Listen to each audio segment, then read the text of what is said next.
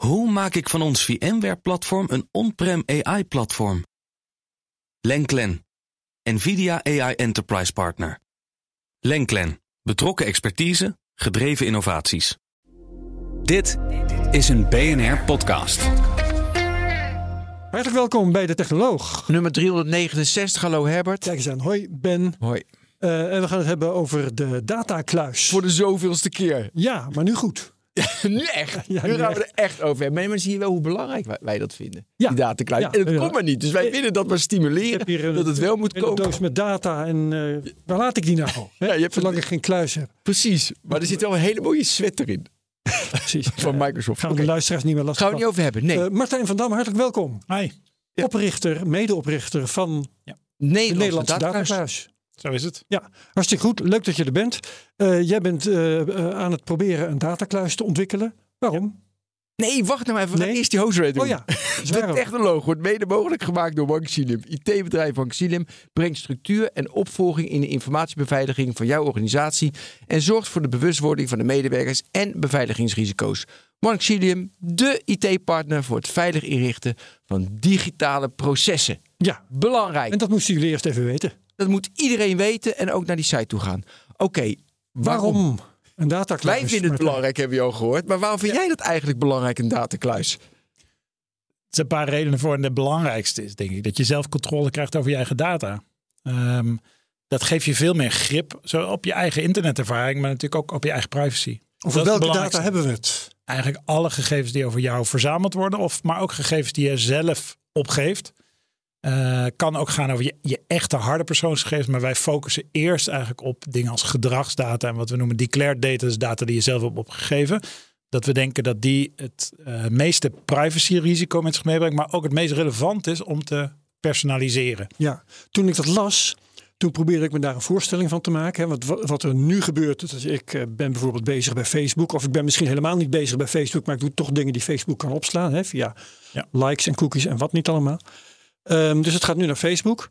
Wat stellen jullie dan voor? Dat ik die data ook opsla op een of andere manier? Of dat Facebook ze niet meer opslaat en dat ze naar mij toe gaan? Wat is het idee? Nou, het idee is dat we een alternatief model neerzetten. Laten zien dat het op een andere manier kan. Uh, en steeds meer bedrijven eigenlijk daarvoor interesseren. Uh, en waarom is het interessant? Het begint natuurlijk bij jou als gebruiker. Kijk, je ziet dat heel veel bedrijven willen data verzamelen. Hebben allemaal het model van Google en Facebook voor zich. Die hebben natuurlijk enorme hoeveelheid data over jou als gebruiker. En wil je nog een beetje meedoen uh, in heel veel sectoren, of het nu is in, uh, op, op advertising gebied of op gepersonaliseerde diensten, et cetera, dan moet je data verzamelen. En je, je kunt eigenlijk niet in de buurt komen van wat Google of Facebook heeft. Dus steeds meer bedrijven merken, ja, ik word eigenlijk overgeleverd aan dit soort partijen. Dat hoeft niet. Ja. Het kan anders. Maar dan moet je het model kantelen. Dan moet je de data eigenlijk rond het individu gaan opslaan en niet in jouw eigen silo van je eigen bedrijf. Uh, nou, wat is het voordeel voor jou als gebruiker? Je merkt het continu als je op het web actief bent, of het nou op sites is of op apps. Iedereen wil je data hebben, ja. dus je moet overal gaan inloggen. Je moet overal allerlei toestemmingen geven. Als je dat niet wil uh, doen, dan wordt het je steeds moeilijker gemaakt. Je komt de ene cookie wil naar de andere tegen. En is niet nodig. Uh, als je namelijk het model omkeert, zoals je zegt, we gaan één login creëren waarmee je op allerlei plekken terecht kunt. Uh, en we zorgen dat jij zelf je data eigenlijk onder controle hebt. En dus zelf je toestemmingen beheert. Zelf zegt wie mag bij die data en voor welk doel. Dan hoef je niet meer overal in te loggen, want je hebt één login. En je hoeft niet meer overal cookie walls weg te klikken. En je ja. krijgt de controle over je eigen privacy weer terug. Nou, dat is eigenlijk de belofte die we te bieden hebben. Ik, zal ik eens een hele gekke anekdote vertellen? Nou, doe maar dan. Het gaat ook van harte. Um, ik uh, wilde ik, uh, laatst uh, Thunderbird gebruiken, e-mail client. En toen kreeg ik een verzoek om te doneren. Ik dacht, nou weet je wat, ik doneer een keer. Dus ik zat klaar met mijn ideal gegevens. En ik klik doneren. willen ze mijn e-mailadres hebben? Ehm, willen ze mijn fysieke adres hebben? Ik weet niet wat ze allemaal van me vroegen. Terwijl ik mijn geld kwam brengen, notabene. En dan is het, dan is het Thunderbird, dan is het he, Mozilla notabene, hè, de open source. Ik, ik, ik viel echt van mijn stoel en ik, uiteindelijk heb ik de procedure afgebroken. Ik heb niet gedoneerd, want het ging mij veel te ver. Ja, maar denk je niet dat, ik bedoel, dat model is best wel een paar, ja, dat is gek, dat model. Want ik, ik vind als mensen nu een bedrijf beginnen en dat is gebaseerd op je, op je first party cookie, op je eigen data van je gebruiker. Bedoel, daar richt iedereen zich op een 360 klantbeeld in kaart brengen. En als je dat goed in kaart brengt, dan kan je hem allemaal fantastische dingen geven. En dan weet je precies wat die klant wil. En je bedient hem goed. Allemaal perfect. Maar met third-party cookies andere data uh, zeg maar, kopen of gebruiken om je klantprofiel te verrijken.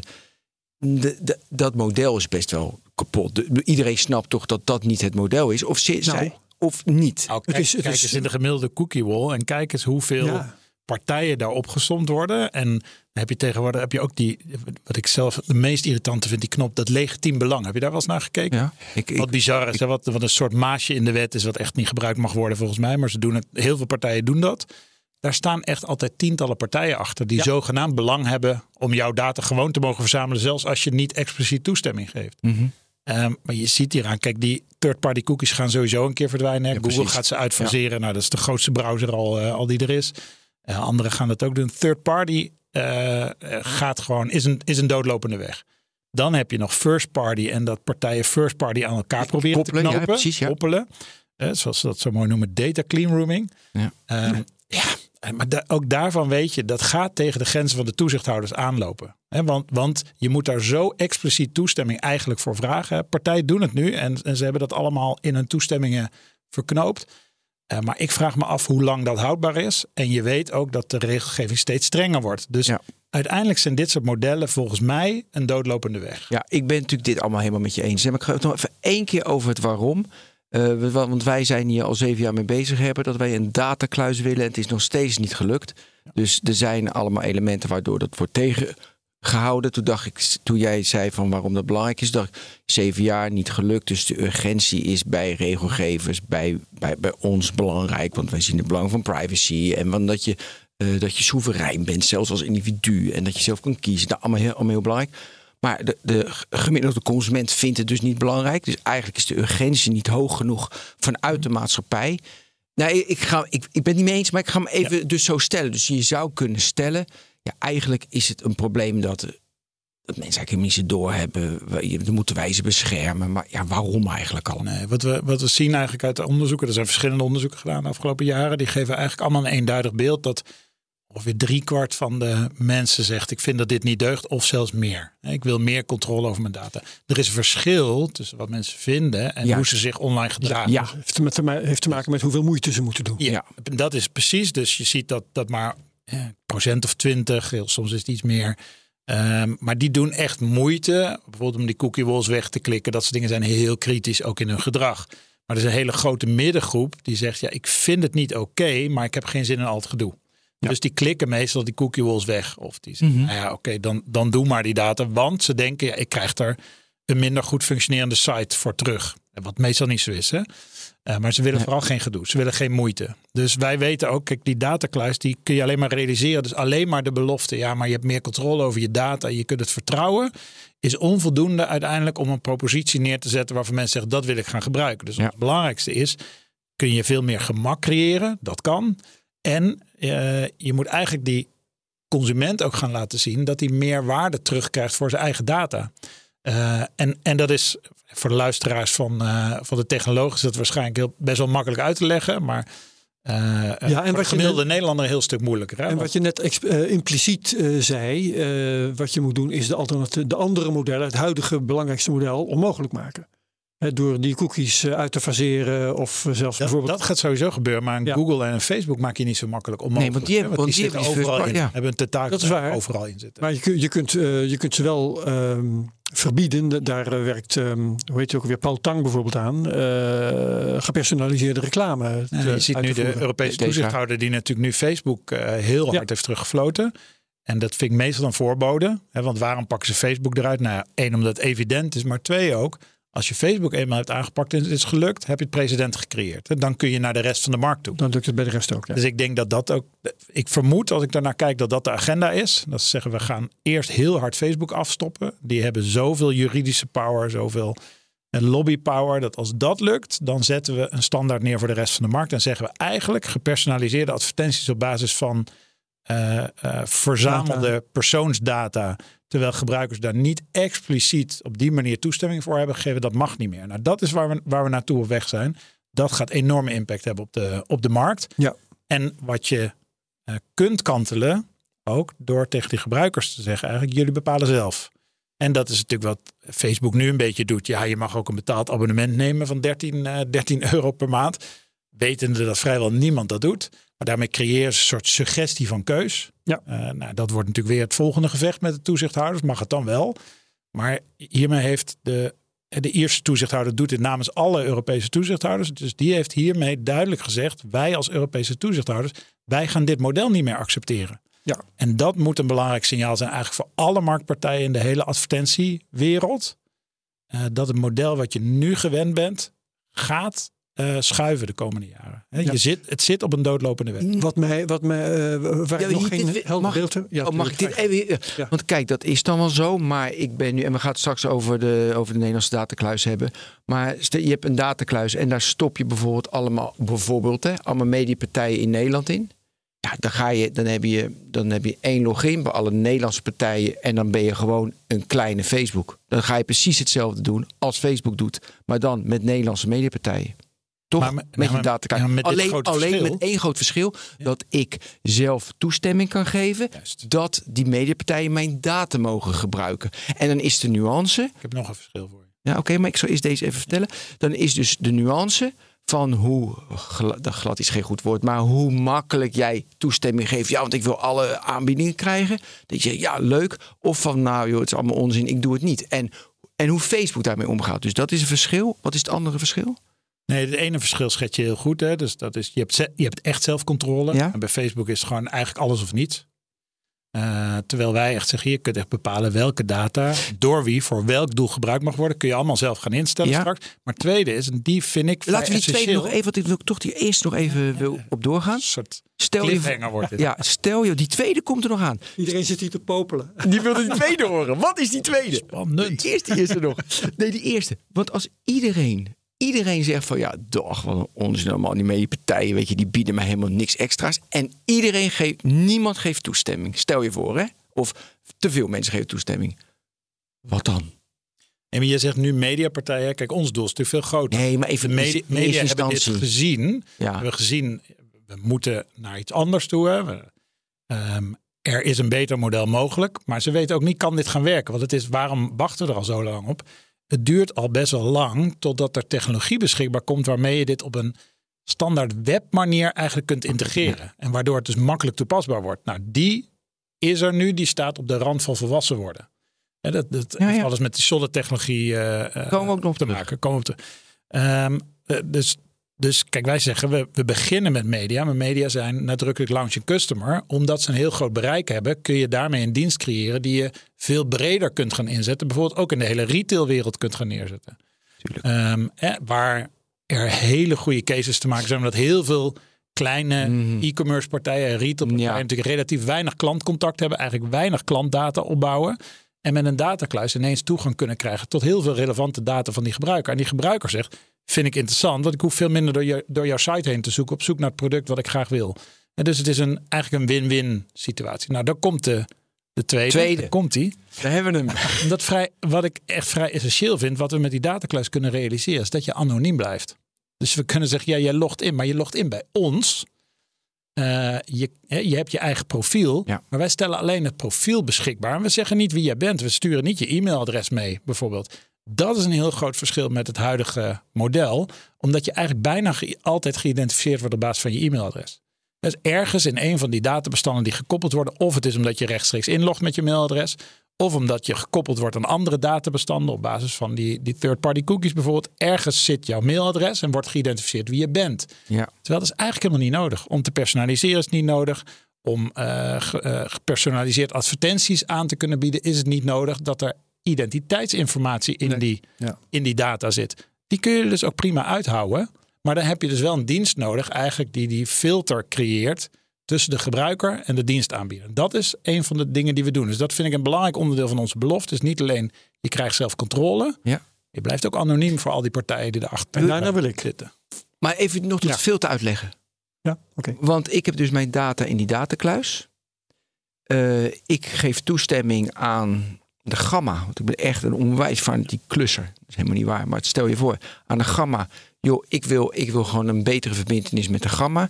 En de gamma die heeft dus... Ik geef toestemming aan al mijn media gebruikt. Dat zien ze allemaal, wat ik mooi vind. Dus dan zien ze van, hij moet een hele grote hamer. Want Ben houdt van gro grote hamers.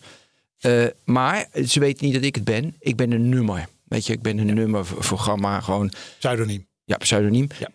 Uh, en dan ben ik alleen dat nummer. En, dan, en dat nummer wil die, die, die specifieke hamer. En dat, dat pseudoniem. Hoe, hoe werkt dat precies?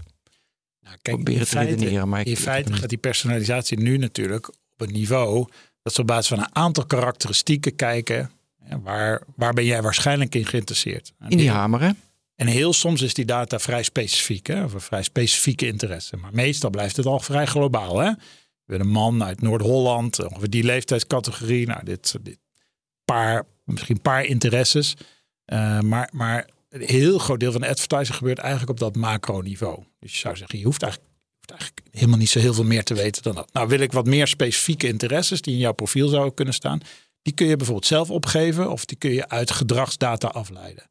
Nou, je hoeft helemaal niet al die gedragsdata ter beschikking te stellen. Maar je kunt hier gewoon altijd een profiel ook weer uit genereren.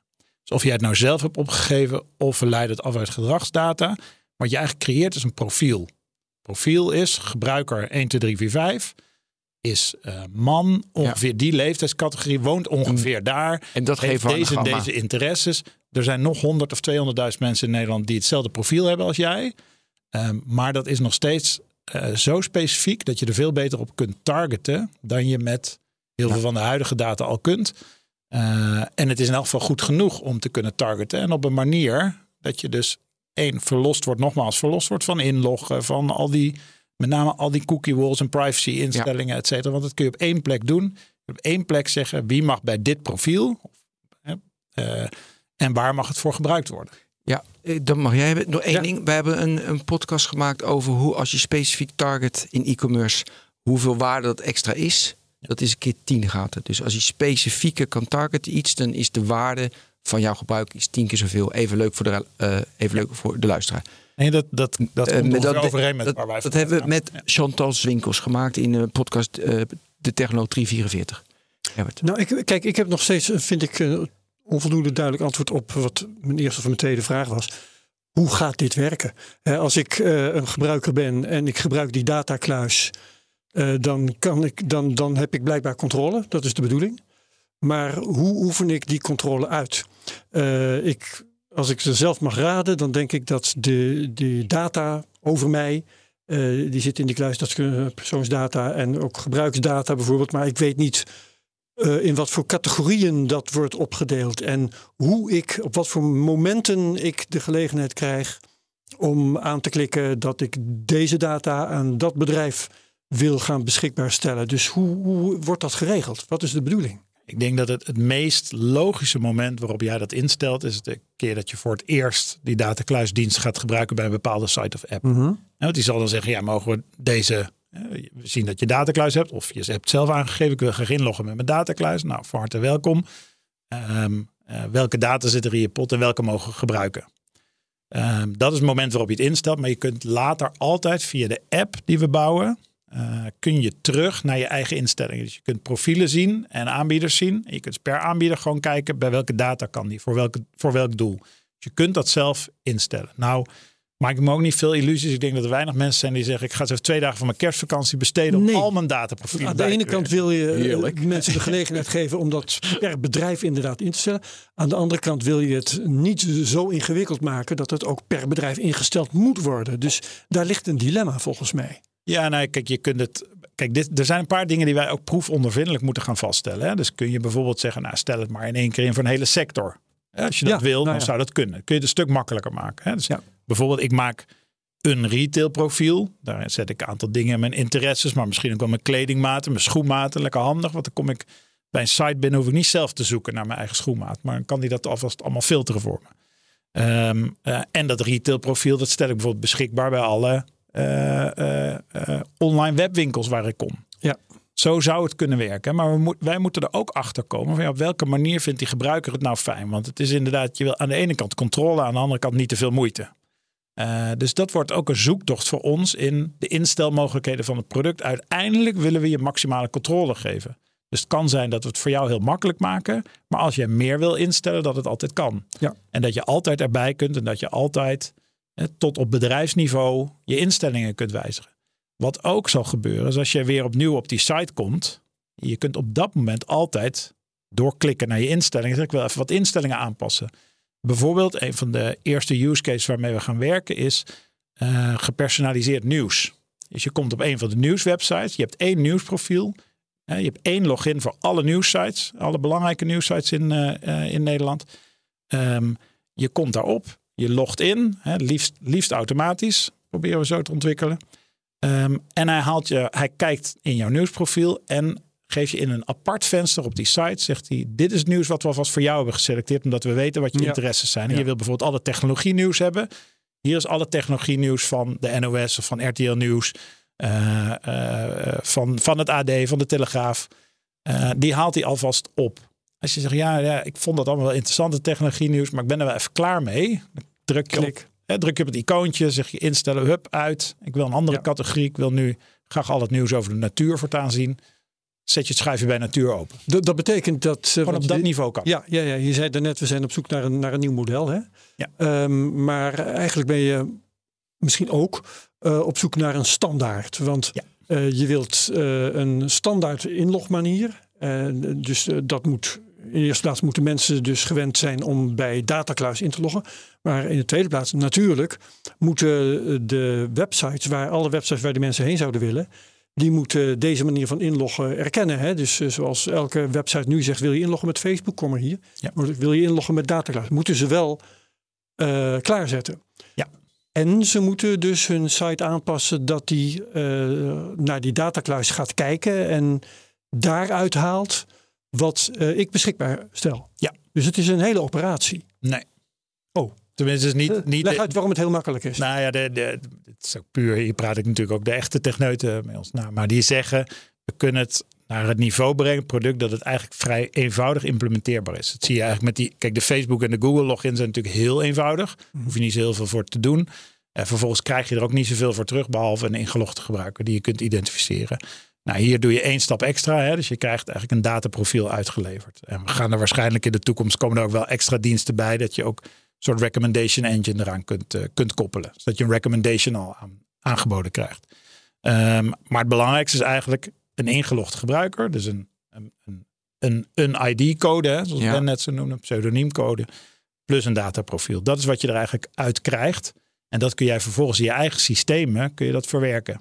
Dus daar ga je iets mee doen dan. Ja. Nou, dat is, dat is niet ingewikkelder dan wat al die sites nu doen. Uh, en het is ook misschien wel belangrijk om te noemen. Kijk, we zijn wij zijn wel uniek omdat we met die datakluis werken, maar het concept van een generieke login, dit wordt echt een. Uh, uh, dit, dit is wel een van de wedstrijden die gaat plaatsvinden in Europa de komende twee, drie jaar, denk ik. Want je ziet in Duitsland hebben de mediapartijen en de telco's hebben NetID geïntroduceerd. En NetID is eigenlijk één centrale login voor alle media- en, en telecombedrijven in Duitsland. Daar is nu een van de pakketdiensten ook op aangesloten. Uh, Europees zie je de vier grote telco's. Uh, dus dat is wat Vodafone, Deutsche Telekom, Telefonica en uh, Frans Telecom, denk ik. Of T-Mobile, omdat... Ja, dat is Deutsche Telekom. Oh ja, natuurlijk, sorry. Ja. Um, die hebben UTIC, heet dat. Het is op dit moment nog een beetje een bijzonder concept. Maar het is eigenlijk hetzelfde idee. We willen echt pan-Europees één login-dienst uh, met een dataprofiel. Met het grote verschil dat zij die data eigenlijk centraal onder hun uh, controle opslaan. Ja. Ja, en ze beloven, ook wel, partij. ja, ze beloven ook wel iets van controle voor jou als gebruiker. Hoe dat er precies uit gaat zien, moeten we, moeten we nog even afwachten. Maar dit zijn twee hele grote ontwikkelingen natuurlijk in Europa. Ja. Die heel erg lijken op die van ons. Nou, onze ambitie is om te beginnen om de Nederlandse en liefst ook de Vlaamse markt uh, eigenlijk ons, ons model in te introduceren. Dus ik, ik denk, dat hoor ik ook van internationale partijen die dit veld in de gaten houden, die zeggen, nou, deze drie, dit is de grote beweging eigenlijk de komende jaren voor, uh, voor ja. Europa. Ja, ja. En, en uh, hadden jullie niet um, begin dit jaar of zo een, een prototype van de app? Ik heb begrepen dat we er wel iets aan gedaan. Ja, we hebben destijds een klikbare demo gemaakt, omdat we in eerste ja. instantie zeiden we, ja, wat we eigenlijk, we zagen het Belgische voorbeeld, hè, uh, dat heet het Vlaams Data Nutsbedrijf. Zei ja, eigenlijk is dit een soort nutsvoorziening. He, want, want, je wil een voorziening creëren die zowel voor de publieke sector als de private sector bruikbaar is. Ehm, eh, en kan dus ook voor organisaties in beide kun je dat benutten. Nou, de Vlamingen hebben dat in een overheidsbedrijf gedaan. En wij zeiden, ja, wij geloven meer in het Nederlandse model. is eigenlijk niet dat de overheid dat doet. Nou, dat vindt de Nederlandse overheid ook. Uh, maar dat het een soort maatschappelijk middenveld is publiek-private samenwerking. Dus dat wilden we graag neerzetten. We hebben een groeifondsaanvraag ook voor gedaan. Dat we zeiden, ja, als we vijf jaar de tijd krijgen om dit te ontwikkelen. Ja. Uh, en daar gewoon een goed ontwikkelbudget voor hebben, dan, dan weten we eigenlijk wel vrijwel zeker dat ons dat gaat lukken. 50 miljoen die je niet gekregen hebt. Ja, we hebben niet gekregen. Ja. Uh, dus we hebben het over een andere boeg gegooid nu. Dus we, we hebben nu gezegd, we beginnen klein. Uh -huh. uh, dus we hebben een subsidie die uiteindelijk Europees geld is. dus we moeten nu mogen nu overal zeggen, zeg ik dan hier ook, dat we mede gefinancierd worden door de EU. Uh, en uh, de mediabedrijven hebben gezegd, nou ja, wij doen nu de initiële investering, dus een deel van de investering, om te zorgen dat we deze dienst ontwikkelen en toepasbaar ja. maken voor de media. En dat zijn DPG, Talpa, help me eventjes. Mediahuis. Mediahuis, Mediahuis. RTL, NPO. Ja. Dus die, ja, ja, die hebben eigenlijk samen gezegd, ja, wij, wij vinden dit gezamenlijk van belang, hè, ook voor de, voor de Nederlandse mediasector, maar hopelijk ook breder. Uh, om nu die stap te gaan zetten. We gaan eigenlijk samen die R&D uh, die R&D oppakken. Um, uh, dus daarmee hebben we eigenlijk hebben we het omgekeerd. Dus zeggen, nou, we beginnen vanuit hier. En we gaan kijken hoe we dat verder kunnen, ja. kunnen verbeteren. En wanneer heb je een eerste, hoe neem je het, minimum viable product? onze developers zeggen eind april. Oké, okay. dat is redelijk spoedig. Maar het is, is altijd later natuurlijk. Nee, ze moeten doorwerken. Nee, ja. wat, nee, wat, wij, wat, wij, wat we voor onszelf eigenlijk zeggen is, we hebben, we hebben een roadmap gecreëerd. Dus die, die, die clickable demo was een soort eerste versie. Dus we werken nu aan een nieuwe, uh, die we ook in januari, februari ook tests mee kunnen doen met, uh, met gebruikers. Uh, dus die wordt iets verder vereenvoudigd en, en iets verder aangekleed dan weer aan de andere kant. Dus dat, die moeten denk ik januari, februari dus, dus hebben, gaan met testen, et cetera. En, ja, en die vijf mediapartijen die gaan daar dan hun sites op aanpassen dat ze daar ook gebruik van kan maken. Dat je... Ja, dat is als product er is. Hè. Dus ja. wat we eigenlijk de, de roadmap zoals wij hem voor ons zien, is dat we het komende half jaar zeggen, de eerste stap is eigenlijk de propositie bewijzen. Hè. Want ik ja. kan het je met heel veel overtuiging vertellen, maar uiteindelijk is het natuurlijk de vraag, Daarom vraag ik ook, ja. gaan gebruikers het ook echt doen? Uh, dus, dus kunnen we ze ook daadwerkelijk interesseren om die login aan te maken, om profiel aan te maken, et cetera. Dus dat is wat we eigenlijk testen. En het eind van die testrun moeten we zeggen, nou, we willen dus bewijs op tafel hebben. Dat ze inderdaad zeggen, ja, we zijn geïnteresseerd. En dat we mede op basis daarvan hebben dan een MVP. Dus dat moet er eigenlijk eind juni moet een MVP zijn. En dat MVP dat moet geschikt zijn vervolgens om te implementeren in minimaal één touchpoint van al die mediapartijen. Dat is wat we tweede halfjaar komend jaar uh, willen doen. Um, want daar gaan we dus echt in een live omgeving testen. En daar gaan we dus veel meer testen op wat doen gebruikers echt, wat is gebruikersgedrag om de dienst ja. verder te optimaliseren. Nou, dat moet aan het eind van het jaar leiden tot wat, we, wat wij dan gedoopt hebben, minimum lovable product. ja, uh, dat is hip. Ja, dat is mooi hè? Ja, ja. ja en dan wel. ergens in 25 moet hij naar het MMP-niveau. Dus dan moet hij marketable zijn. Dus dan moet hij ook schaalbaar zijn. Zeg maar, om in alle touchpoints van de media. En wordt het dan een dienst die, waar we voor moeten betalen? Of? Nee, nee maar dat, gratis? Ja, dat is omdat wij daar, we geloven er niet in. Als je moet betalen, creëer je een veel te grote drempel. Ja. Uiteindelijk is, kijk hoe je het ook went of keert, die dataprofielen van die gebruikers, die hebben waarde voor bedrijven. Hè? Want daar kun je mee personaliseren, kun je dienst mee verbeteren, je kunt uh, veel beter de content personaliseren bijvoorbeeld. Je kunt advertenties personaliseren. Allemaal op basis van wat de gebruiker toestaat. Uh, maar wij gaan ervan uit dat bedrijven ook uh, bereid zijn om te betalen voor deze dienst. Nou, dat zien we ook eigenlijk, behalve die mediabedrijven, melden de eerste partijen zich die zeggen: hey, we vinden het interessant, die ontwikkeling. Welke Wanneer, partijen? Ja, dat, dat is, we zijn niet op het niveau dat we daar, dat we daar dingen over mogen zeggen. Ik dacht, ja. we maken een keer nieuws met de ja, technoloog. Ja, ja, nee, maar, maar de, en, en het is op dit moment ook nog niveau interesse. Hè? hey, wat interesse. zijn jullie aan het doen? Interessant, zou voor mijn case wel eens interessant kunnen zijn. Uh, wanneer, wanneer, zou ik kunnen testen? Dat is eigenlijk de ja, ja. belangrijkste vraag die we nu krijgen. DPG Media, die, uh, die, hebben, nu een login. Dus bij de Volkskrant, AD, noem maar, maar op, heb ik dezelfde login. Um, ze hebben topics geprobeerd. Die zeiden we beginnen met gepersonaliseerd nieuws. Dat werkte niet, topics. En dat kan natuurlijk ook aan de marketing liggen en dat ze het onvoldoende gepusht hebben. Maar dat vind ik al interessant dat je met die use case begint. Terwijl ook bij het FD heb ik ook mijn nieuws heb ik netjes allemaal ingesteld. Ik merk dat ik het toch weinig. Nou ja, het ligt misschien aan mij. Of Google News, hartstikke populair. Maar oké, okay, is dat. Hoe weet je dat dat de juiste use case is in het begin? Dat weten we niet. Dat weet je niet, dat probeer je. Dat, dat is? Kijk, we, we proberen dus onderscheid te maken tussen kunnen we de propositie van het product testen en deze specifieke use case. Maar waarom hebben we nieuws gekozen? Eigenlijk omdat, uh, Ja, dat is- ik geloof 56% van de Nederlanders logt elke dag in op een nieuwsdienst. Mhm. om, om nieuws te lezen. Dus je hebt meteen een heel groot bereik. Uh, dus de kans op succes is heel erg groot op het moment dat je slaagt om, om rondom die use cases Ja. te doen. En er is, Ja. er is eigenlijk geen dienst in de Nederlandse markt te Wat vinden zo- die zo'n grote reach heeft. Ja. Behalve de grote big tech uh, diensten. Ja. Oké, dan DPG Media. Die, die hebben nu een login, wat ik al vertelde. Er komt RTL erbij. Dan hebben ze nog een groter bereik. Hebben ze nog meer mensen. Die moeten natuurlijk ook in gaan loggen bij, bij RTL. Hartstikke goed. Gaan ze dan hun DPG-login, die heeft ook een naam, ik ben die naam kwijt.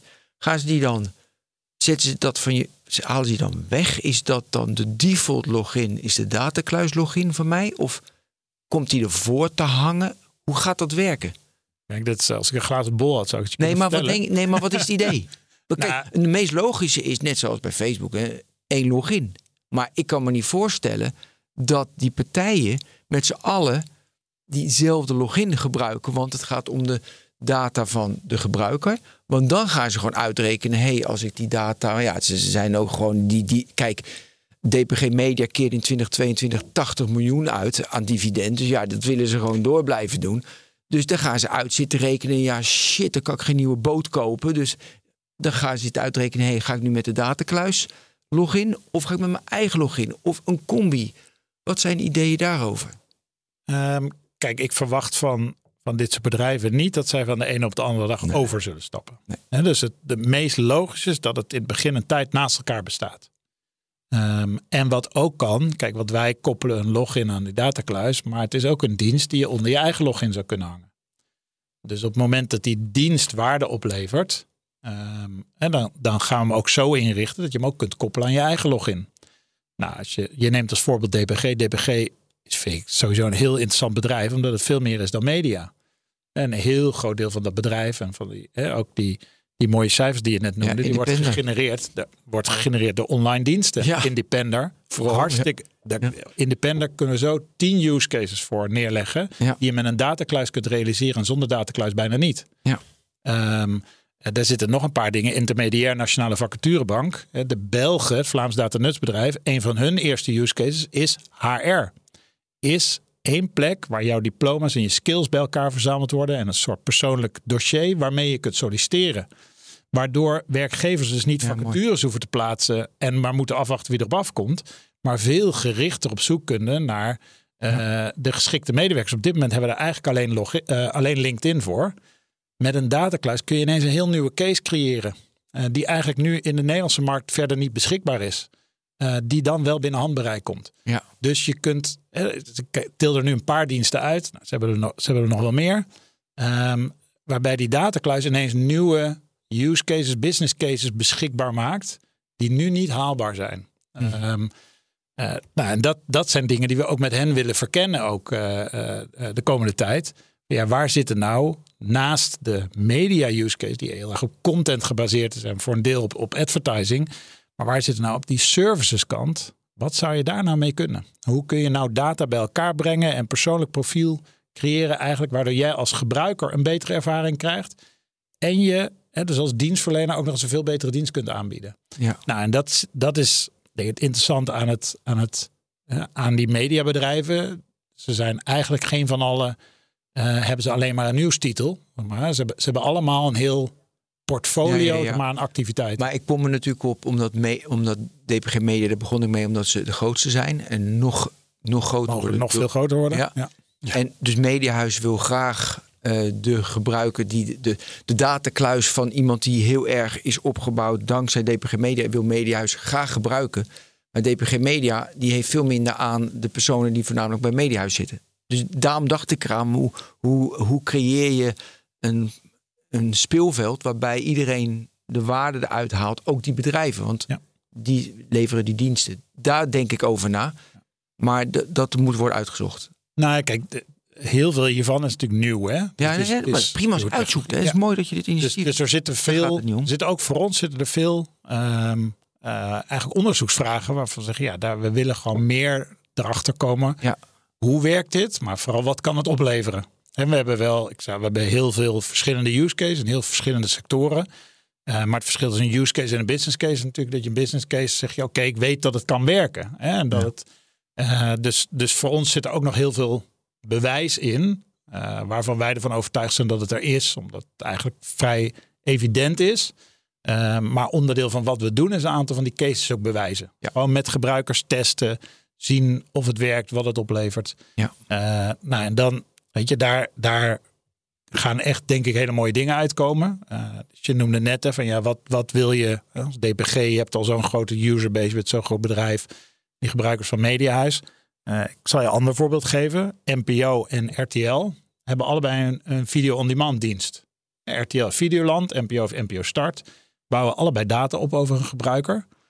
Um, stel nou dat zij uh, uh, dat, dat je die data bij elkaar zou kunnen voegen en een gedeeld profiel. Kijk, wat ze niet snel zullen doen, is dat ze zeggen: ja, we gaan die data met elkaar uitwisselen. Dat is heel concurrentiegevoelig. Ja. Maar op het moment dat je uit beide kijkprofielen zeg maar, een soort gezamenlijk profiel kunt creëren en bepaalde dingen kunt uitwisselen. En je bij NPO iets kunt aanbevelen omdat je iets bij RTL hebt gekeken of andersom. Wat je anders nooit had verwacht, bijvoorbeeld creëer je ineens extra waarde, ook voor, de, voor jou als gebruiker. Omdat je denkt, hé, hey, wat interessant, omdat ik dat bij RTL heb gekeken, krijg ik bij NPO betere content aanbevolen. Maar moeten Wat die je- partijen dan wel die, die eh, kijkgegevens delen met datakluis? Nou, of je, het, ja, ook dit is iets, de- daar moeten we gaandeweg achter komen. Heeft het zin om alle data op te slaan in zo'n kluis? Of Ja. zeg je, nee, ik ga eigenlijk gewoon een profiel creëren in die kluis. En dat profiel, dat pas ik elke keer aan op basis van jouw kijkgedrag. Wat ook zou kunnen.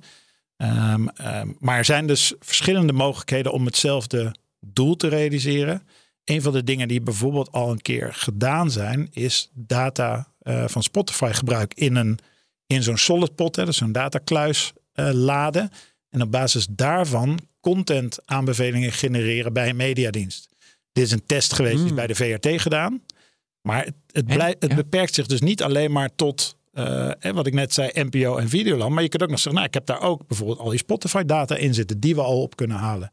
Hè, bij Die- andere die diensten kun je- kunnen we die ook kun je data zomaar ophalen. Bij Spotify kun je hem ophalen en kun je hem gebruiken. Oh. Ja, nou, en, de, en dat gaat nog veel meer worden, omdat dit is een beetje het principe wat achter de nieuwe Data Act zit, de Europese eh, nieuwe wet. En dat is nog een, maar een deel van de data. Het gaat met name om data die gegenereerd wordt, bijvoorbeeld in een mobiel apparaat of door je smartwatch of via sensoren in je, in je iPhone. Maar het principe is, die zegt, ja, als de gebruiker zegt dat een concurrerende dienst bij de data moet kunnen, dan, eh, dan moet je hem leveren en moet je hem geautomatiseerd leveren. Dus er mag niet meer een ingewikkeld proces achter zitten. Maar je moet eigenlijk jouw systemen openzetten voor alle andere diensten, ook voor de concurrent, om data te komen ophalen. Dus dit principe dat jij eigenlijk recht hebt op je eigen data en dat partijen die die zelf opslaan, die eigenlijk beschikbaar moeten gaan maken en dus deelbaar moeten maken, Dat is een geautomatiseerd. Ja, ja, Dat, is een, dat, dat principe, dat, kijk, je weet, zo werkt EU-wetgeving altijd. Dit, de data is de eerste stap. Er komt de volgende stap en het gaat steeds verder. Dus dat betekent het data bij jezelf houden en er bovenop gaan zitten. Die tijd is denk ik echt voorbij. Nou, dan kun je ook zeggen, ja, dan is, dan is dit sowieso een veel logischer alternatief. Hè. Een datakluis is meteen al compliant aan dit soort wetgeving. Eh, omdat die jou als individu centraal stelt. Maar dit maakt dus ook al dit soort cases mogelijk. Dus wat je nu, Ja. je kunt Spotify data ophalen, maar je kunt dus ook steeds meer data Ja, en uit verschillende diensten Facebook ophalen. en, en dan kun je ook Big Tech. Ja. Zei- alle, alle smartwatch data, je Apple Watch data, je Fitbit data, die kun je allemaal straks ophalen. Die kun je in je datakluis opslaan. En daar kun je weer een profiel op genereren waar je iets mee kunt. Eigenlijk zonder dat het, dat vind ik nu vaak bij dit soort data. Denk ik, ja, dat staat Apple vertrouw ik nog een beetje. Eh, maar dat, die staat allemaal gezondheidsdata Ja, van mij te genereren. ja, op is Google, dus- Fitbit ook, ja. Is Google. Die slaat Ja. gewoon jouw gezondheidsdata op in een profiel waar je in ge- geïdentificeerd wordt. Ik vind het niet zo'n fijn idee. Je hebt, eh, terwijl dit soort data best heel relevant is en Ja. kan helpen aan persoonlijke Ja. diensten. eh, je noemde Solid. Ja. Dat vind ik interessant. Ja, maar solid moeten we zeker dat doen. is die uitvinding van Tim Berners-Lee, ooit de uitvinder van het World Wide Web. Eh, die vond dat het eh, de verkeerde kant op ging met het internet of met, met het web. En is iets gaan eh, ontwikkelen om, eh, nou ja, ik kan zeggen, de scherpe kantjes eraf te halen. Kun je even zelf uitleggen wat, eh, wat het voor een ding is en wat het doet in jullie datakluis?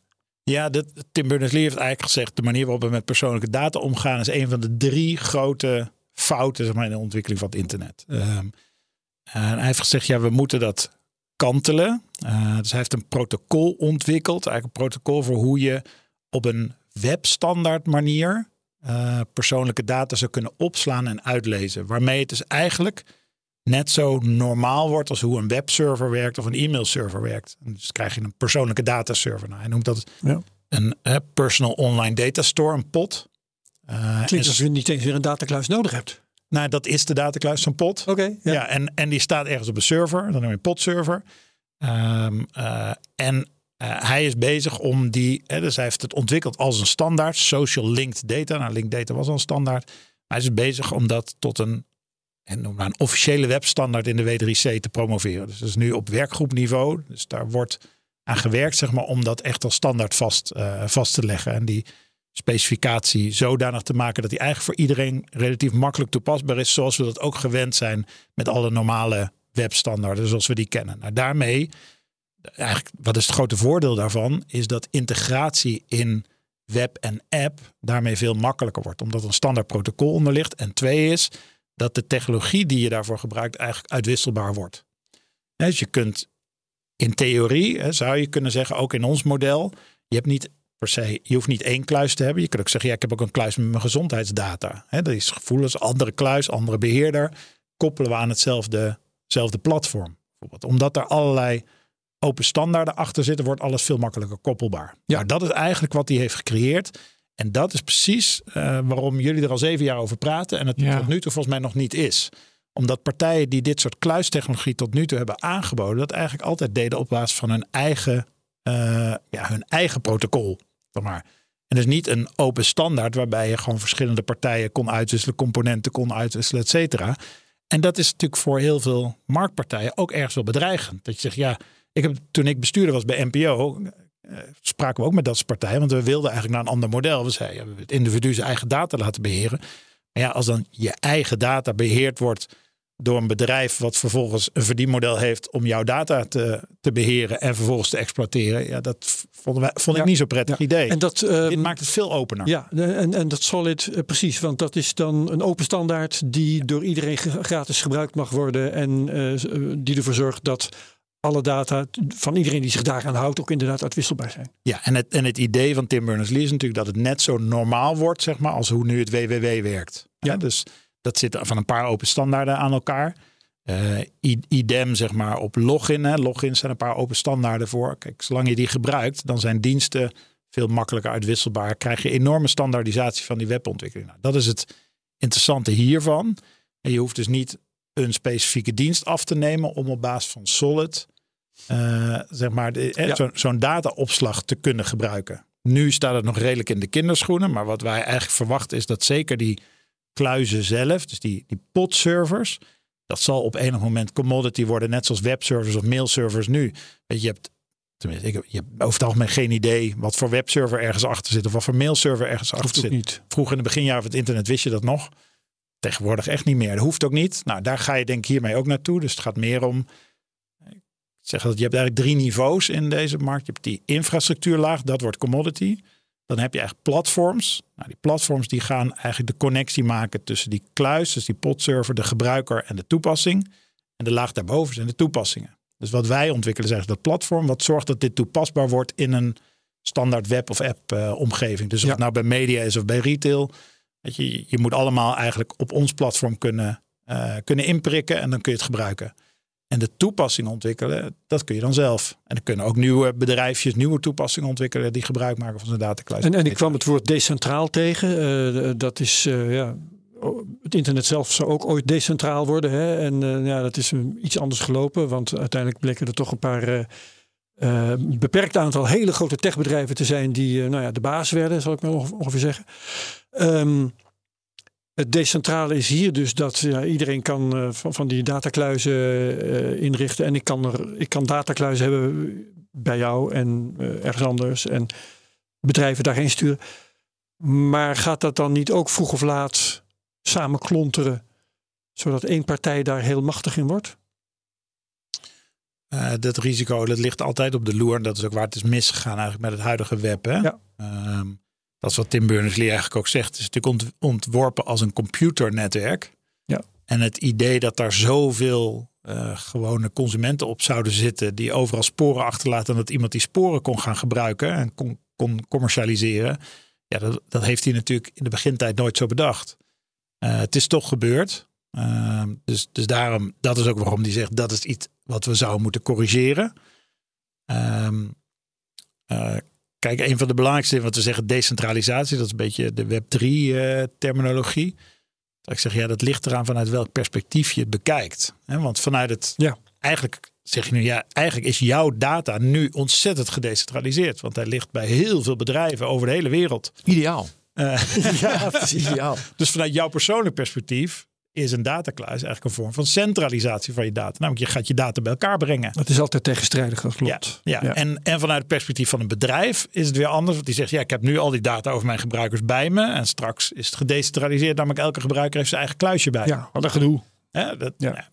Nou, in de praktijk werkt het, uh, werkt het net zo makkelijk. Um, maar voor bedrijven kan het ook heel maar het is een, het is een ander, zijn. Ja, andersom model. Dat is ja, eigenlijk ja. feitelijk wat het is. Want ik heb uh, ook, ook wel eens gehoord uh, in de tijd dat de privacywetgeving in ontwikkeling was. Um, data hebben is een liability. Hè? Het is een risico. Je bent aansprakelijk als, je ze, als ze gehackt wordt of als je ze kwijtraakt of wat dan ook. En als bedrijven ze niet meer hebben, maar uh, voor dat soort uh, informatie op een datakluis kunnen vertrouwen, dan kunnen ze dat ervaren als hè, we zijn van dat risico af. Ja. en is, heb je ook aanwijzingen dat dat zo is, dat ze er zo tegenaan kijken? Zeker. Ja. De compliance is een van de redenen waarom bedrijven natuurlijk het datakluismodel interessant vinden. Omdat het, je zegt liability is tweeledig. Dus één is compliancy. Ja. Volg je wel netjes alle regels? Nou, die uh, zijn soms voor interpretatie vatbaar. En iets wat voor interpretatie vatbaar is, is natuurlijk een risico. Want als je het verkeerd interpreteert en je krijgt een tik op je vingers. Nou, we hebben gezien ook nu met Facebook. Dat Dikke boetes. Kunnen, kunnen hele harde tikken zijn. Ja. Dus, dus dat wil je voorkomen. Hè? Want het is een groot, groot risico waar je, waar je continu eigenlijk op moet letten. Waar je veel mensen op moet zetten. Uh, dus het voordeel van een datakluis is je bent compliant by default. Want je legt de regie in handen weer van het individu. Dan heb je twee is, uh, wat, wat dan eufemistisch altijd datalekken worden genoemd. Nou, een datalek, dat is als er een foutje wordt gemaakt. Maar de meeste data die lekt is natuurlijk gewoon criminaliteit. Is omdat het ergens gewoon wordt ingebroken en wordt, wordt weggehaald. Um, ik vind de, de huidige manier van data verzamelen, waar dus heel veel data over heel veel individuen bij elkaar staat.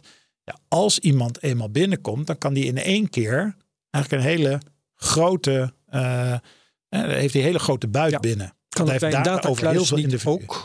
Nou, bij een datakluis is al die data individueel opgeslagen en individueel versleuteld. Dus je moet eigenlijk, er Hmm. staat een soort hele grote garagebox met allemaal kluisjes. Je kunt erin. niet één dik bestand downloaden waar alles van iedereen in staat. Juist, juist. Want je, moet, je, hebt, je hebt al die sleuteltjes nodig hè, om, om voor heel veel mensen data te kunnen vinden. Dus je kunt zeggen, kijk, één is voor jou als individu, als iemand bij al jouw data kan. Hè, dat, dat voelt natuurlijk als een groter risico. Maar het is voor, kijk, voor criminelen is het vaak interessant om te proberen te hacken op een hele grote dataverzameling. Want dan, dan krijg je gegevens van heel veel mensen tegelijk. En dan kun je gaan phishing kun je dan doen. Hè? Dat is wat, wat vorig jaar gebeurde met het onderzoeksbureau, wat zijn, eh, wat zijn data niet goed beveiligd had en Ja, op de verkeerde plek had staan. Ja. En ja, als je dan als Ja, je ja, data het was van blauw, miljoen. maar het was de leverancier was Nebu en blauw eh, onderzoeksbureau blauw die had bij eh, Ziggo en Vodafone Ziggo, AWB onder andere. Heel veel partijen. Ja. Ja. ja. Ja. en daar stond, daar stond data in die er volgens mij helemaal niet meer had mogen staan. Dat die voor marktonderzoek hadden verzameld, hadden opgeslagen, had allemaal al lang weer verwijderd moeten zijn toen het onderzoek was afgelopen. Maar het stond er toch. Ja. Eh, en daar zaten natuurlijk heel veel interessante gegevens in. En als je ineens van een miljoen Nederlanders dit soort gevoelige gegevens in handen krijgt met mailadres, ja, dan kun je heel gericht phishing gaan opzetten. Bijvoorbeeld. Met een beetje AI kun je dat ook nog laten genereren. Ja. Eh, dus je kunt heel gericht mensen benaderen op basis van hun persoonlijke informatie mail sturen, waardoor die mensen veel moeilijker doorhebben natuurlijk dat het phishing is. Het zijn niet in gebrekkig Nederlands geformuleerde teksten die, die beweren dat je morgen heel erg rijk kunt worden als je nu op de link klikt. Maar het zijn veel, veel slimmere phishings. Maar dat kan omdat je, je hebt een miljoen, Ja. eh, een miljoen hengels die je kunt uitwerpen. worden, bij wijze van spreken. Ja, en als je een miljoen hengels kunt uitwerpen, dan is het interessant. Maar als je over één iemand gegevens kunt bemachtigen, Ja. is wel heel veel moeite voor een hele kleine Ja, kans op alleen als het een BN'er is of zo. Ja. Ik zit, ik zit nog met die singles. Ik vond het interessant dat je zei over die eh, over NetID en UTIC. Dus, dus dat wordt nu gebruikt. Eigenlijk inderdaad moet je één standaard hebben, Europees. Ja. Ehm, maar nu hebben we er weer twee. En er wordt gevochten welke single sign-on wordt het. Hoe kijk je daarnaar? Ben je er inderdaad voor van, hé jongens, laten we nu afspreken, spreken Europees. We gebruiken allemaal NetID bijvoorbeeld, dan zijn we klaar. Of hoe kijk je ernaar? Ik vind zelf dat de, de, de echte sleutel is, wat doe je nou met die data? En, want, want daar denk ik, de login zelf is, is eigenlijk niet zo heel spannend. Maar ik denk dat voor heel veel partijen is één centrale login, die echt als een single sign-on werkt Ja. heel veel sites, eh, eh, is natuurlijk heel waardevol. Want, kijk, waar erger je je aan als gebruiker online? 100 keer inloggen. Overal inloggen, overal een andere login hebben. Nou, die paswoord En managers, daar die moet je hebben er dat makkelijk hebben dus. Dus je wil naar eentje toe en je wil ook nog eens het liefst eh, dat je eigenlijk niet eens hoeft in te loggen, maar dat je automatisch ingelogd wordt. Ja. Dat is het handigste. En dat je maar op één plek al je consent hoeft te geven. Nee, dus het is niet voor niks, denk ik, dat die groot, dat grote Duitse conglomeraat en het grote Europese conglomeraat eigenlijk in diezelfde beweging zijn gestapt. Eh, als, als, als wij met de Nederlandse media aan onze, aan onze zijde. Ehm, alleen er is een belangrijk verschil, is de achterliggende oplossing voor je persoonlijke data. En dus de persoonlijke controle die je geeft. Omdat ik vind zowel NetID als UTIC eh, kleeft gewoon een hele sterke eh, advertising agenda. En, en een Ja. eigenlijk veel. En Je voelt aan alles als je het leest dat de, dat de agenda veel commercieel, commerciëler gericht is dan bij ons. Bij ons het gaat veel meer om hoe plaats je het individu. Nou, hoe geef je die nu echt controle? En daar kun je commercieel heel veel mee doen. Ehm, maar de focus is net andersom. Ehm, en ik denk dat dat het belangrijkste verschil is tussen, eh, tussen deze. Ja, maar, maar- maar, je ziet hieraan dat de behoefte aan één centrale login, precies, maar die is er. Ja, maar oké, Ja. hoe krijgen we het voor elkaar dat dat ook gaat gebeuren? Dat is eigenlijk mijn vraag. Ik denk, jeetje, al die logins weer willen we niet, willen er maar één. Nou, dat heeft eh, Facebook heeft dat bereikt, Meta, Ja. door gewoon ja, heel veel bereik te hebben en iedereen gebruikt Facebook. Oké, eh, Kun je mooi mijn login gebruiken. Ja. precies mooi. Dat is, eh, maar dat is natuurlijk met een nieuwe service best wel lastig. Ja. Dus hoe zorg je dat dat eenduidig wordt? Ja, nou, da- daar zit, dit gaat over adoptie. Dat is denk ik waarom onze case heel interessant is. Kijk, adoptie is een kwestie van bereik. En op het moment dat je een nieuwe dienst kunt introduceren via diensten die al heel groot bereik hebben, dan, eh, heb je veel grotere kans dan wanneer Ja. je dit helemaal nieuw moet neerzetten. Dus kijk, UTIC doet het via de, de telecomproviders. Die hebben ook al een heel groot bereik. NetID, Media en Telecom in Duitsland hebben heel groot bereik. Eh, ik zie de banken soms een beetje kijken naar dit soort cases, maar die zitten meer op de echte vertrouwelijke persoonlijke gegevens. Know your Bank- banken hebben een groot bereik, hè, want die hebben allemaal natuurlijk hun bankapps.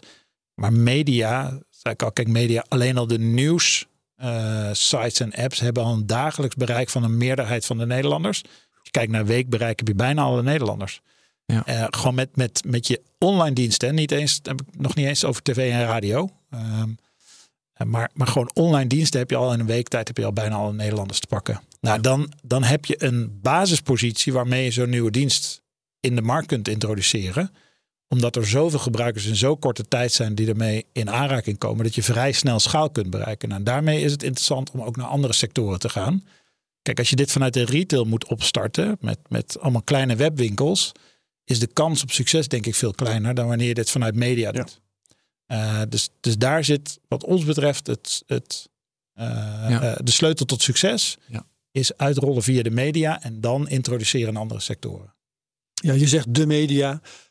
Dus eh, een beetje overdreven misschien, want het zijn vijf inderdaad hele grote mediabedrijven. Maar eh, er zitten er ook nog wel een paar niet eh, bij. Ja, we moeten hier in het gebouw nog een keer praten. Oh, dat bedoelde ik niet eens, maar je hebt gelijk. ja. Oh, ja, ja. ja, de FD Media Groep heeft eerder, maar die hebben natuurlijk een hele specifieke, eh, specifiekere doelgroep eigenlijk. En de, de, Ja. de, de vijf die met ons meedoen, die richt zich echt op het algemene, eh, het algemene Nederlands publiek.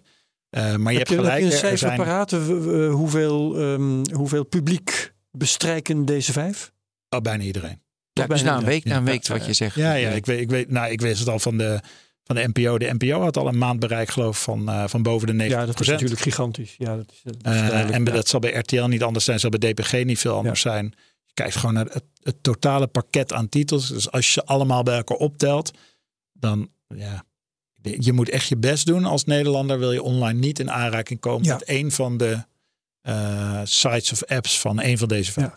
En het, het feit dat eh, deze vijf mediabedrijven eh, ja, meedoen, zeg maar, hè, met dataglijst. Betekent dat het ook dat als, als jullie een app hebben ontwikkeld, dat deze vijf daar gewoon gebruik van gaan maken?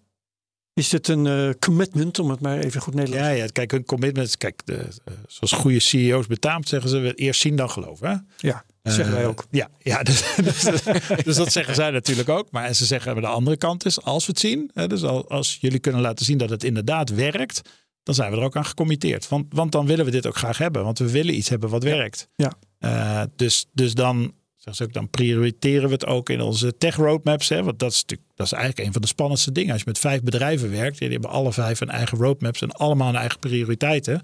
Eh, ehm, En al die verschillende apps die ze hebben allemaal. ja, Ja, dus, het- ja, dus het, het is, het is al een Nog hoop even werk. een IT-klusje.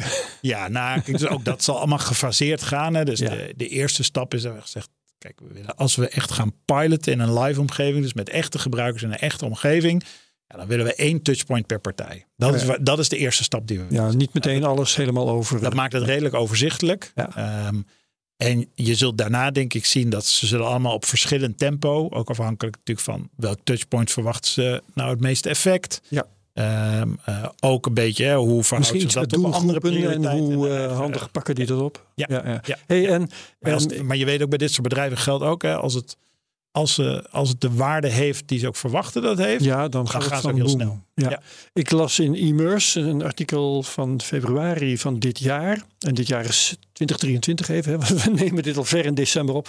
Ehm Datakluis werkt de komende maanden vanuit acht onderzoeksvragen. En eh, meer stond er niet, dus ik ben eigenlijk wel benieuwd. Wat waren die onderzoeksvragen en zijn ze al beantwoord? Ja, die onderzoeksvragen waren eigenlijk acht eh, categorieën van use cases die we hebben geïdentificeerd. Eh, waarbij we beginnen met de eerste twee, met een eh, vrij snelle stap willen maken naar de derde en de vierde. En kan ik je heel, heel eenvoudig zeggen, namelijk de eerste was single sign-on. Hebben we het over Ja. gehad. Het moet Mm. werken als een single sign-on, lukt dat? Ja. Eh, tweede is eigenlijk een persoonlijk profiel wat je zelf instelt. Ehm, dat, daarvan, dit zijn eigenlijk de eerste twee waarvan we gewoon weten dat het technisch mogelijk is op korte termijn.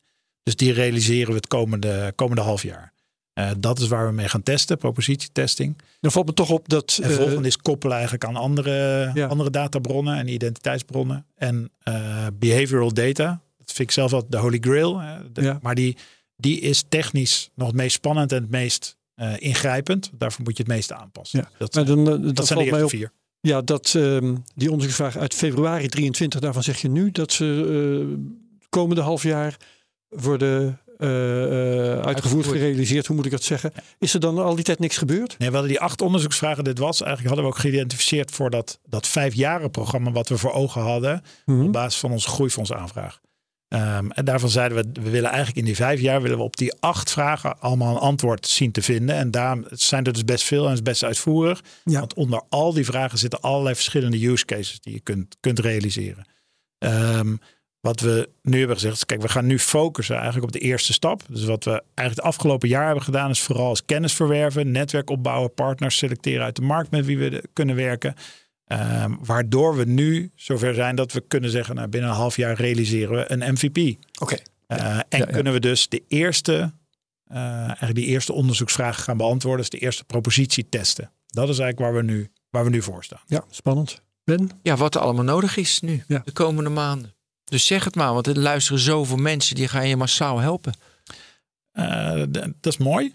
Kijk, ik denk als ik. Je mag gewoon je wensenlijstje, de, eh, Nee, wat ik, wat ik het kerstman vind. komt. La- Laat dat- laat ik dat zeggen. Kijk, ik ben daar. eh, ik heb er heel veel vertrouwen in dat we in de komende maanden gewoon dat product bouwen en testen. En ik denk ook dat we het zo weten te ontwikkelen dat er genoeg mensen in geïnteresseerd zullen zijn om dit te gaan gebruiken. Hoeveel developers eh, sleutelen daar op dit moment Nou, we werken, we werken met één team en dat is voldoende. Om het, maar eh, één team, men, hoeveel mensen? ja, ja dat, dat, eh, ze zijn niet allemaal fulltime. Dus als ik het allemaal bij elkaar optel, denk ik dat we tussen de 10 en 15 mensen zitten. Oh ja. Eh, maar ze, ze werken er niet allemaal fulltime aan. Nee, oké. gefaseerd. Dan weer de UX'ers zijn nu volop bezig. De developers die, die hebben eigenlijk alle technische definities nu, eh, nu, nu afgerond. Die gaan in januari echt op volle kracht eh, developen. Eh, dus maar, maar in zijn totaliteit zit ongeveer op die, die omvang. Ja. Ehm, nou, ik denk, kijk, daarmee, dat is voor deze eerste fase goed. Ehm, we merken ook, is ook interessant om te zien, hè, de hele markt heeft moeite om aan developers te komen. We hebben één keer vacature opengezet en Uh, het, kost ons moeite om iedereen te beantwoorden, omdat er echt heel veel interesse is. Het is een leuk project. Ja, ja, ja. Nee, dus dat is heel goed om te zien. Ik kan me wel voorstellen trouwens ook hoor. Nou, wat ik, wat ik eigenlijk, eigenlijk hebben we twee dingen. Dat is kijk, als we die stap hebben gezet hè, van die proof of concept testen en we hebben het MVP, dan willen we eigenlijk twee dingen doen. De een is versnellen en de ander is verbreden. Versnellen betekent naar meer mensen toe. Hè. Dus we moeten gaan schalen. Dus ook in financiering gaan, uh, gaan schalen. Dat zou, uh, dat zou interessant zijn. Maar het tweede is, en dat je zei dus waar de mensen die luisteren, die nu enthousiast worden. Kijk, het belangrijkste is die verbreding van media naar andere sectoren. Dus ik zei al, kijk, retail is voor ons een hele logische. We praten al ook wel met wat partijen die in de, wat wij noemen health en lifestyle actief zijn. Hè? Heel veel mensen die op zoek zijn naar content om gezonder te, uh, Ja. te leven. En de HR-achtige heel veel mensen. HR is een hele Ja. interessante. Dus partijen die dit die luisteren en denken: hé, hey, maar ik weet nog niet precies wat ik ermee kan, maar ik wil er wel meer over weten. Neem contact op. En dat is iets wat wij de komende maanden ook doen. Gewoon met paar partijen in de markt gewoon nieuwe toepassingen verkennen. En eigenlijk voor het volgende half jaar kijken, kunnen we in een andere sector ook zo'n proof of concept traject eh, neerzetten. Dat we echt gewoon iets gaan maken en gaan testen. Dus gewoon zo Ja. concreet mogelijk. Relatief low budget kunnen we dat. Ehm, maar dat maakt ook meteen dat je ook, hè, dus als bedrijf krijg je echt meteen te zien hoeveel waarde levert het voor mij, wat kan ik hier meer mee? Nou, je, hebt al, je weet al, je maakt het voor je gebruikers makkelijker. Je bent meteen compliant. Maar ook kun je nou voor je gebruikers ook echt een betere dienst daardoor gaan, eh, gaan leveren, meer waarde genereren. Nou, dat is iets waar we heel erg voor openstaan en waar we, waar we ook zelf actief naar op zoek gaan naar wat zijn nou de goede partners voor ons om die volgende stap te zetten. Ben, nog meer? Nee, Martijn, eh, eh, datacluis.nl. Want dat is je Ja, ik Ja, kan dus het je zeggen, hè, Daar zit Martijn zelf op de helpdesk. alles zelf. Laatst, je, je, je- Ja, af- mooi. afgelopen maand ik bijna alles. Dat is, eh, dat is het mooie ook van zo'n. Het is natuurlijk gewoon ook, ook gewoon een start-up. Eh, dus om te zien hoe dat, hoe dat heel snel groeit. Dat je inderdaad op de ene dag nog zelf de helpdesk bent en de Ja. ook facilitaire zaken. Ja. En nu lopen er ineens allemaal mensen En rond en die trekken van alles uit onze handen. Eh, Dat zijn we dan niet. maar ja, die, die, die, die beginnen gewoon iets te maken en iets te bouwen. Dat is aan de ene kant heel gaaf om te zien. Aan de andere kant was de afgelopen een, anderhalve maand was ook best een spannende fase. Omdat Geloof ik graag. ja, we, doen, we zijn dit met z'n tweeën gestart eigenlijk. Arno Otto en ik, die van Talpa eh, Ja. komt. Ehm, ja, en, en nu moeten we een beetje gaan, eh, gaan loslaten en overdragen. En moeten anderen het echt gaan maken en echt bouwen. Ja. Nou, ja. Leuk. ehm, ik hoop dat je veel reacties krijgt en veel nuttige reacties. Ik ook. En eh, dat we over een eh, klein half jaar eh, van jou Resultaten horen zien. ja, wat, er, eh, wat het heeft opgeleverd. Laten we dat Klopt. afspreken. Hey, ik wil nog even voordat we stoppen. eh, wij hebben onze kerst en oud en nieuw uitzending al opgenomen. Ja. En daar heb ik onwijs van genoten. Ik en ook. jij niet, maar ik vond het echt zo stom. Nee, even, eh, ja, dus even voor de luisteraar. Ik heb echt zo genoten. We hebben één uitzending gemaakt over de geschiedenis van mobiel internet. En één Ja. over, dat was jouw uitzending over de geschiedenis eigenlijk van de computers. Ja, jouw eerste sinds, scheden op het internet. Sinds 1986 ja, ongeveer. echt. ge- Dus ik heb Opa genoten. verteld is dat. Ja, dat was, eh, Ja. dus luisteren volgende week en de week daarna. We hebben ze opgenomen. Voor Nog een beetje zelfpromotie mag ook wel eens een keer. Dat hebben we nog nooit gedaan. Wel nee, dat doen we helemaal nooit. Ehm, dankjewel Martijn van Dam van Graag datakluis.nl. Ja, voor je verhaal. Dankjewel Ben. Herbert, ook bedankt. Luisteraars bedankt. Ja. En heel graag, eh, nou ja, tot volgende week. Dus eh, als wij lekker eh, kerst zitten te vieren, maar dan moeten jullie luisteren. Dus doe je best. Tot de volgende technoloog. Dag hoor.